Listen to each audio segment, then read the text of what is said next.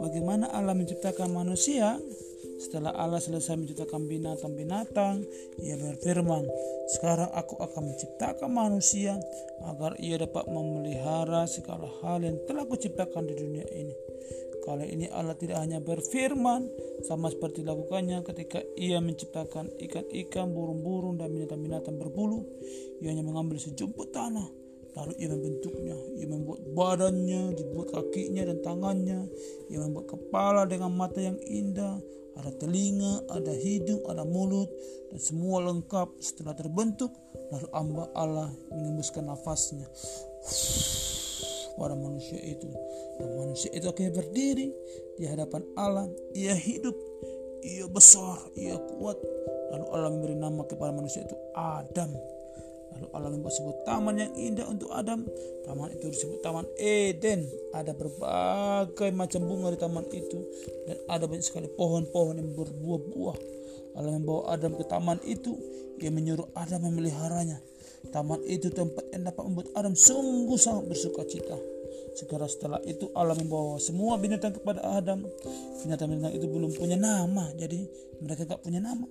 Allah memberitahu Adam bahwa ia boleh memberi nama kepada semua binatang itu. Adam melihat binatang-binatang itu datang. Ia melihat betapa eloknya binatang-binatang itu. Mereka tidak takut sama Adam. Dan Adam pun tidak takut sama mereka. Mereka datang kepada Adam.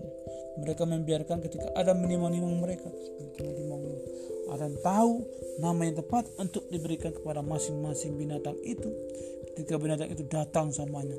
Lalu binatang itu kembali berlari ke pepohonan, ke lapangan dengan nama-nama mereka yang baru.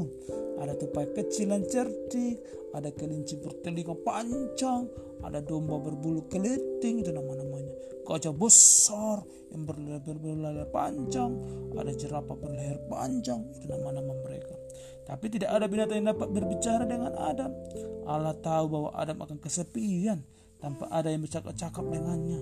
Jadi Allah membuat Adam tertidur di bawah. Oh. Sementara Adam tidur, Allah mengambil sebuah tulang rusuk dari lambung lambung tulang dari lambung si Adam. Ia menciptakan seorang wanita, wanita cantik dari tulang rusuk itu.